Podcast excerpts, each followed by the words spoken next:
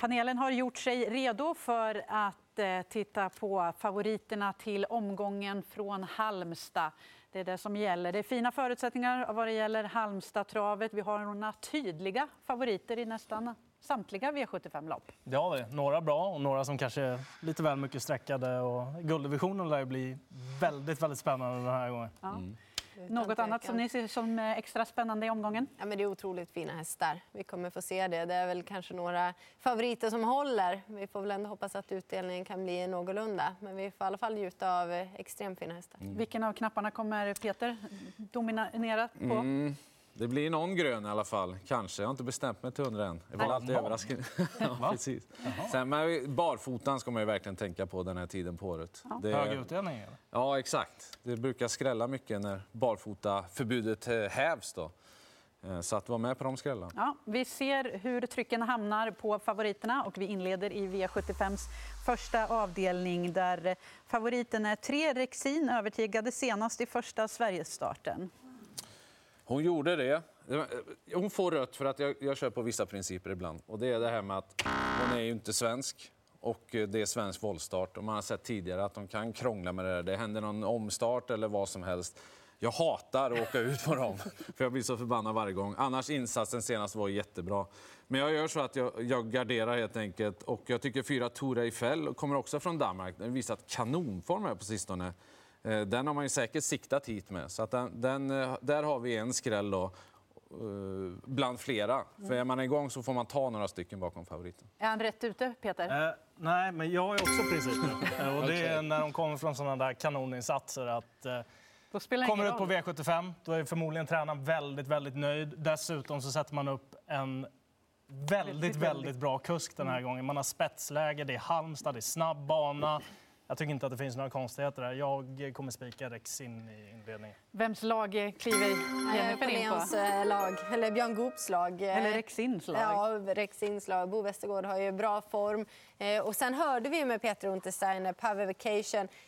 Ja, han hade inte bestämt sig. Han sa inte hur han skulle göra. Men när Björn Goop då kommer och offrar en hel del för att komma till spets då är det mycket möjligt att Untersteiner känner sig manad att släppa. Och då Björn Goop i spets då känns det som att loppet är över. Två av tre tryck på grönt. Det blir en vass favorit på Rexin inledningsvis. Eh, V752 då. Nummer 10, Maestro Crow, har aldrig förlorat felfri. Har sex segrar på sina livs åtta starter.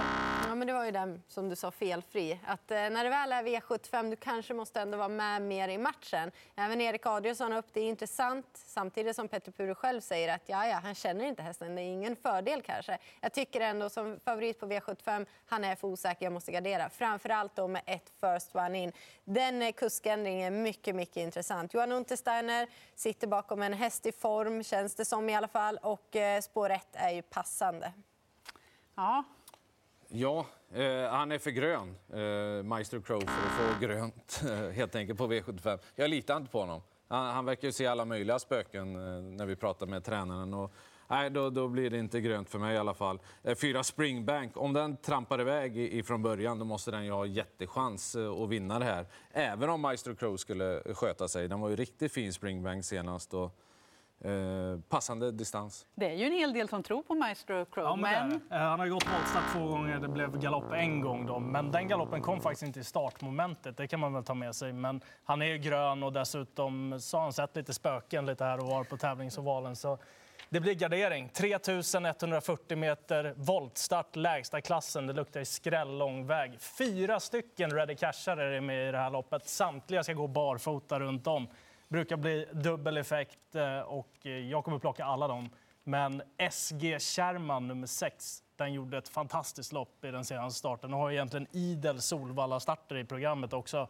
Åker ner till Halmstad, testar på V75. Känns som att distans är ett klart plus där också.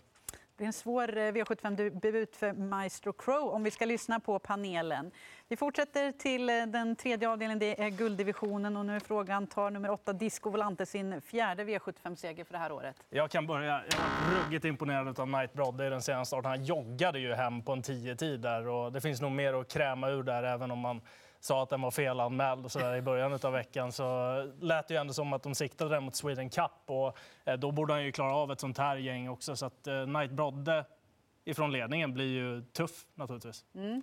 Vad säger du om Disco Volante? Det blir Mm. ett rött även. Ja, men det blir det. Han var jätte, jättebra senast. eh, Men spår 8 är spår 8, även för Disco Volante. Och som du sa, Knight Brodde, ja, Lugauer sa att han var felanmäld, men han är ju inte besviken över att ha med honom i gulddivisionen. Och om man frågar om man tycker att han är bra nog att vinna redan nu, ja men det är ju givet. Peter då? Är det inte sex zoomer i ledningen? Det trodde jag. Ja, För så tänker jag att lopp... Mycket möjligt. Men, I vilket eh, fall så blir det jobbigt för Disco. Ja, precis. Det blir det ju. För han har ju Knight Brodde på insidan då. Ja, som, eh, jag, jag ser det. Saxum i ledningen, Disco Volante utvändigt. Eh, och så får vi se vem som är bäst av de två. Så jag tar båda dem. I och med att det, det är läge för ledningen och det är barfota och det är Björn på sex zoomer. Tidigare så har det väl ändå egentligen varit lite eh, skillnad på häst och fördel Disco Volante. Men det är jäklar mig det där när de rycker skorna efter vintern. Det, det, han kan göra ett superlopp där i ledningen tror jag. Spännande lopp att se fram emot. Det blir det. hur det blir kört. Ja. Det blir en eh, kass favorit på Disco Volante. Då. Vidare till den fjärde avdelningen. Det är ett ungdomslopp där favoriten körs av Magnus A. Djusevikens High Yield.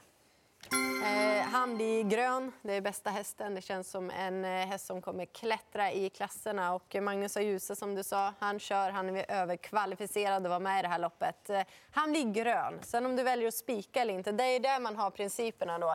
Eh, Magnus Djuse, han kan vinna det här bak och framlänges på ett sätt och hästen är jätte, jättebra. Men det är väldigt många att runda och det är en del orutinerade kuskar med och att runda.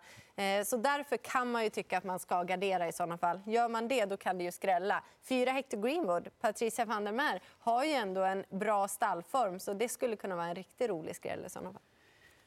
Favoritseger eller inte? Det blir favoritseger. Det. Överlägset bästa hästen, överlägset bästa kusken. Så då får jag gå emot lite principer med tredje. Men femte spår borde vara ledigt ute på bortre långsidan. Så han får ju svepa dem där ute. Nej, men den känns ju otroligt intressant med ett lopp i kroppen och är ju jättebra i grunden. Alltså, det är ingen nyhet att den har hög kapacitet. Det visar han ju i tidigare regi också. Hänger du på, Leon? Eh, nej, faktiskt inte. Spår 14 på Halmstad, det är inte enkelt alltså, när det är snabb bana där framme. Så att man lär väl plocka några på framspår också. En av dem eh, lär väl vara startsnabba duon Sex Zlatan Knick och även Barista Oak. Då. Men de kanske inte är de som är allra mest intressanta i loppet. Det är väl ändå Tyson Demange då, som de låg lågt på i den senaste starten. Nu är han anmäld med barfota runt om och amerikansk sulky till den här starten. Vi får se vad det blir imorgon då. Eh, man har väl kanske tvekat lite på sulken där men eh, den känns ju lite småspännande på spår 9 i spårtrappan måste jag säga. Det blir ändå en vass favorit på Vikens High Yield, om än inte en, eh, en som ni var överens om. Då. Vidare till den femte avdelningen. Nummer fem, Four Guys Dream, får mångas förtroende. Hur är det med ert?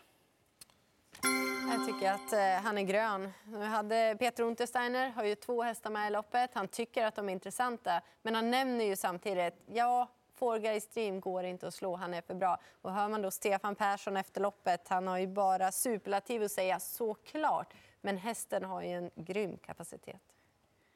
Fyll på. Ja, man fastnar ju för hästen såklart, men lite, man blir... Alltså, man blir, där. karisman gör att man kanske ställer för höga krav på honom. Jag läser ändå som att han får göra eh, loppet eh, utvändigt om ett quick vall eh, som är jättesnabb ut. Jag tror nog att Thomas Uberg kör där. Det hade jag gjort. Den har gått så pass bra ju. Och då öppnar sig loppet. Vinna utvändigt ledaren på V75, det är ju aldrig enkelt. Speciellt om du får liksom lite spår i början och kanske måste ladda lite. Eh, nio Luke Håleryd tycker jag känns som att den kan vara redo för en riktigt bra insats. Så att jag tycker den är väldigt lite spelad med lopp i kroppen och barfota och allt vad det är på nio Luke Håleryd. Så att jag garderar. Då får du välja sida Ja, här, jag väljer sida. Eh, nej, jag vill se lite mer först, eh, tycker jag. Ehm, det finns riktigt spännande hästar med i övrigt i det här loppet, om man nu skulle få svar om ledningen. Och det är väl främst då Solkattens Chiron som var ruggigt vass på valla i den senaste starten. Luke Håleryd, den hade ju supereffekt när den gick amerikanavagn och barfota på valla där i ett sprinterlopp och gick låg 11. Så att, eh, den kan nog tända till lite extra på, på det också. Det finns massor med grejer bakom. Jag hoppas att Urberg kör i ledning. Ja, det måste han. Han har förstört allt för mig. Ja, Kristoffer Eriksson har ju bra eh, form på stallet. Ja. Idé kring Top 7? Ja, ja. Gullabo däckbling måste ju vara med på topp 5-placeringen. Den gör ju alltid bra. Ja, siktat hit ja. ja Luke Håleryd kommer jag ta högt. Även fyra Carlos Ken med barfotan. Då har vi den sjätte avdelningen och där är favoriten tre Grainfield Aiden som inte har gjort annat än bra lopp hela vintern. Sex segrar på tio starter. Eh, rött. Här måste väl bästa spiken i omgången finnas i det här jämnspelade loppet. Och då är det inte favoriten Nej, utan det är Martin de Boss. Jag tror han håller ledningen. Han öppnade ju kanonbra på Jägersro där när han hade barfota bak och helstängt eh, på sig. Nu har han spår ett av de värsta konkurrenterna på utsidan. De enda jag är rädda för i spetsstriden det är Jaro Boko och Kung Edvard, men de står långt ut så det kanske kan bli lite solfjädereffekt på det hela. Och vinner Erik starten här, då, då borde Martin de Boss vinna loppet också. Jennifer, övertygar Leon i resonemanget? Nej, men det känns ju hemskt att göra så här, men jag gör väl ändå det. Även om jag är otroligt spänd på att se Grainfield Aiden barfota runt om. Och framförallt, han har bra spår nu och hästen ja, han levererar ju gång på gång. Men eh, de andra börjar ju springa fortare och fortare också. På en snabb Halmstadbana. Två Sevilla är ju väldigt intressant också. Jag är ju inte helt säker på att Martin de Boss håller upp någon ledning. Annars är han given såklart. Men det är där jag tvekar. Men 1, 2, 3 är ju mest intressanta. Så är Han det. öppnade ju jämnt med Only One Winner där på Jägersro och Ja, men han är lite ojämn. Jag Det brukar vara en Peter? riktig startvessla. Ge oss din syn på det här. Eh, Min syn på detta är att Grainfield Aiden, det är, eh, han gynnas inte av att våren kommer. Det gör han inte. Han kommer nog förbli lite grann vinterns häst. Eh, Han, han är ju inte borta, men han är inte någon het eh, favorit här. Eh, Jag tror också på Martin de Boss. Jag är inte hundra säker på att han håller ledningen. Men jag är så inne på att han löser det på något sätt ändå. Han är ju inte sådär någon utpräglad spetshäst, utan han är ju en, han är en riktigt bra häst som äntligen har ett bra läge. Så att, eh, jag, jag har stark känsla att Martin de Boss vinner. Så att, Då har ni en sista favorit att eh, ge er en motivering kring. Och det är nummer fyra, Adde SH.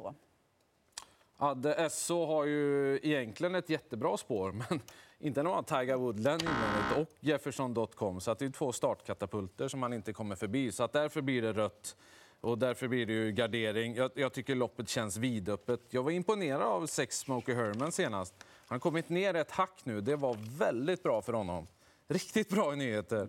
Eh, han gick ju bra mot Whipped Eggs på fel distans sist. Så att han måste ju vara i knallform. Så att den förtjänar ett streck. Hos mig i vart fall. Mm. Ja, det är riktigt svårt.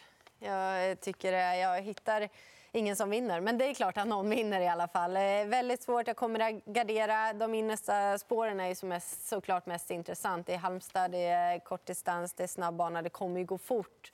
Eh, Men om du går utanför det, som skulle kunna, om det går för fort, då tycker jag Ingo, Erik Adielsson, Kristoffer Eriksson och Hoop, det brukar ju funka bra.